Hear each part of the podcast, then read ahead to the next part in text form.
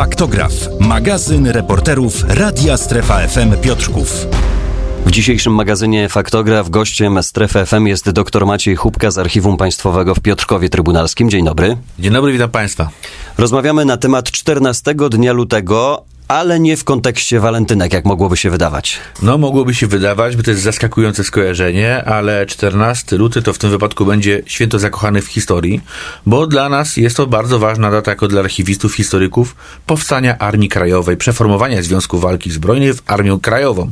E, a o tym, czy była Armia Krajowa, chyba wielu osobom opowiadać trzeba, bo był to potężny organizm wojskowy, e, największa polska organizacja konspiracyjna, armia, jak sama nazwa wskazuje, armia armia, która miała określone cele, struktury, kadry i warto o tym pamiętać, że właśnie 14 lutego nie tylko walentynki, ale też przeformowanie Związku Walki Zbrojnej w Armię Krajową i o tym dzisiaj będziemy rozmawiać. 14 lutego to był początek, natomiast czy to były siły, które zmieniły dzieje historii, zmieniły dzieje Polski?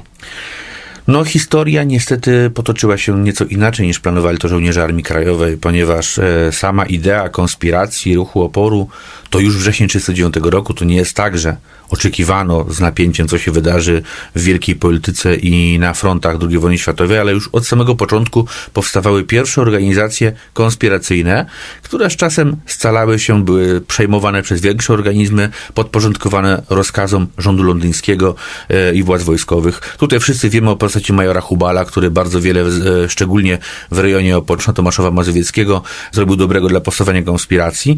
Natomiast zapewne wszyscy oczekiwali tego, że na początku ofensywy alianckiej, która jak wiemy nie nastąpiła, później w wyniku różnych innych przetasowań Armia Krajowa ostatecznie będzie w stanie wystąpić z powstaniem zbrojnym, pomóc w oswobadzaniu ziem polskich spod okupacji niemieckiej i sowieckiej.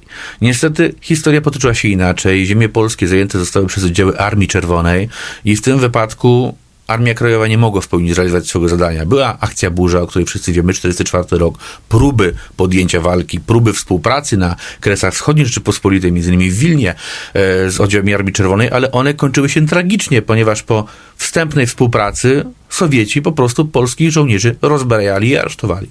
Ciężka jest ta polska historia. Ja chciałbym jednak, żebyśmy może nieco ulokalnili ten temat, bo Armia Krajowa działała też na terenie ziemi piotrkowskiej. Oczywiście Piotrków był siedzibą inspektoratu, a następnie podokręgu Armii Krajowej, czyli takiego średniego szczebla dowodzenia. Okresowo z Piotrkowem Trybunalskim jako z dowództwem związane były tereny Radomszczeńskiego, Opoczyńskiego, Tomaszowa Mazowieckiego, Rawy Mazowieckiej częściowo. To ostatecznie ta struktura ustaliła się w 1942 roku, kiedy w ramach inspektoratu Armii Krajowej Piotrków Trybunalski funkcjonowały komendy obwodowe w Opocznie, w Tomaszowie Mazowieckim, w Piotrkowie Trybunalskim właśnie.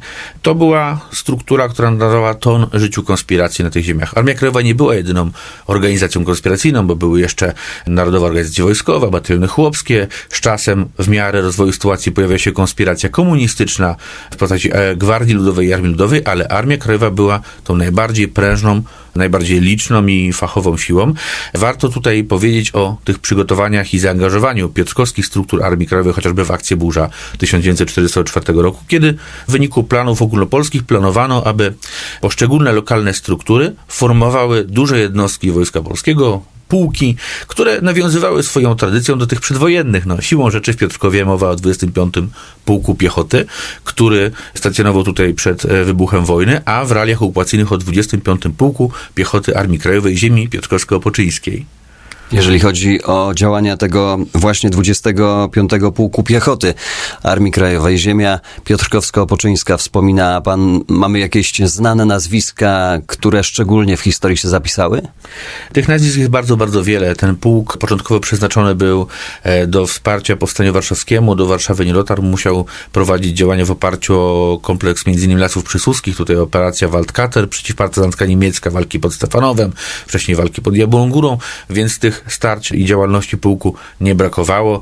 Tutaj można, jeżeli chodzi o takie nazwiska, to chociażby przypominać Rudolfa Majewskiego, dowódcę pułku, można przypominać wielu innych dowódców e, mniejszych elementów tego pułku. Natomiast fakt jest faktem, że wspólnie z pułkiem radomskim zgrupowanie Lasy Przysłuskie, które ten pułk Piotrkowski tworzył, było jednym z największych w kraju zgrupowań partyzanckich przez kilka tygodni funkcjonujących w sposób zorganizowany, zdających Niemcom straty, prowadzących z powodzeniem działania zbrojne, więc zapisał on piękną kartę w dziejach oręża polskiego, zwłaszcza w tak trudnych warunkach, jakim była konspiracja i walki zgrupowania partyzanckiego z przeważającymi siłami wroga.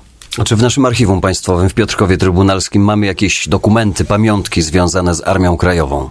Nasze archiwum, Archiwum Państwowe w Piotrkowie Trybunalskim pod tym względem w skali kraju jest wyjątkowe, ponieważ nie każde archiwum państwowe może poszczycić się tym, że posiada w swoim zasobie akta konspiracyjne.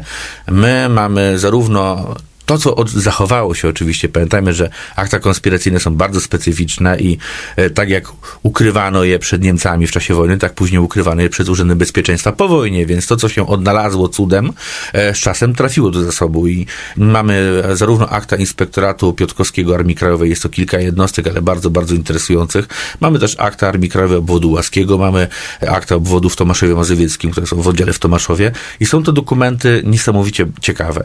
Może nie jest ich wiele, jeżeli chodzi o ilość e, teczek i ilość metrów bieżących, ale mają one niesamowity przekaz. To są wykazy żołnierzy, to są wykazy uzbrojenia, instrukcje walki, no i przede wszystkim taka sztandarowa instrukcja szyfru Armii Krajowej, którą my jako archiwiści rozwiązaliśmy, nauczyliśmy się i teraz prowadzimy dla młodzieży e, warsztaty kryptograficzne właśnie w oparciu o akta konspiracyjne Armii Krajowej. Bez wątpienia to bardzo cenne dokumenty. Wobec tego, czy możemy się z nimi zapoznawać na co dzień? Organizujemy w oparciu o ten zasób e, bardzo wiele inicjatyw. Są to wystawy online na naszej stronie internetowej, są to wyrazy, wystawy tradycyjne, e, planszowe albo materiałów oryginalnych, są te warsztaty, o których wspominałem, kiedy też promujemy ten zasób w postaci prezentacji multimedialnej. Są opracowania książkowe, ponieważ kilka żeśmy na temat Armii Krajowej jako archiwum wydali, gazety. Innymi słowy, od, od wielu, wielu lat staramy się mieszkać mieszkańcom regionu piotrkowskiego szerzej rozumianego przypominać to dziedzictwo Związku Walki Zbrojnej, Armii Krajowej i zachęcać do tego, aby tą historię poznawać, aby ona nie odeszła. Dzięki dokumentom, dzięki wykorzystaniu materiałów archiwalnych jest to możliwe i interesujące, co pokazuje zainteresowanie naszą ofertą ze strony chociażby szkół średnich z okolicy, czy też nawet Wojska Polskiego, ponieważ dla żołnierzy też takie warsztaty archiwalno-historyczne prowadzimy. No to jeżeli chodzi o ofertę, zostańmy przy tym temacie. Co ciekawego Archiwum Państwowe w Piotrkowie szykuje na najbliższy czas? Wielokrotnie dzisiaj w czasie naszej rozmowy padała taka fraza akcja burza i właśnie to jest 1944 rok, to jest powstanie warszawskie. W tym roku obchodzimy okrągłą rocznicę i wokół tych wydarzeń będziemy budować najróżniejsze wydarzenia, najróżniejszą ofertę, przeróżną ofertę dla naszych miłośników. Te wątki pojawią się w czasie naszych dni otwartych, standardowo z okazji Międzynarodowego Dnia Archiwów w czerwcu, Dnia Archiwisty we wrześniu oraz Dnia Darczyńcy. Możliwe, że będziemy mogli zaprosić Piotrkowian do udziału w grze miejskiej nawiązujący do tych wydarzeń, ale na te szczegółowe ustalenia dopiero musimy poczekać. Na pewno będziemy podkreślać tą wagę tej rocznicy i starać się przekazywać wiedzę jak najszerszemu kręgowi odbiorców. A gdy tylko te szczegóły dotrą także do nas, oczywiście będziemy o tym informować. Doktor Maciej Chubka z Archiwum Państwowego w Piotrkowie Trybunalskim był dziś moim i Państwa gościem. To był magazyn Faktograf. Dziękuję serdecznie i do usłyszenia. Dziękuję bardzo. Do zobaczenia.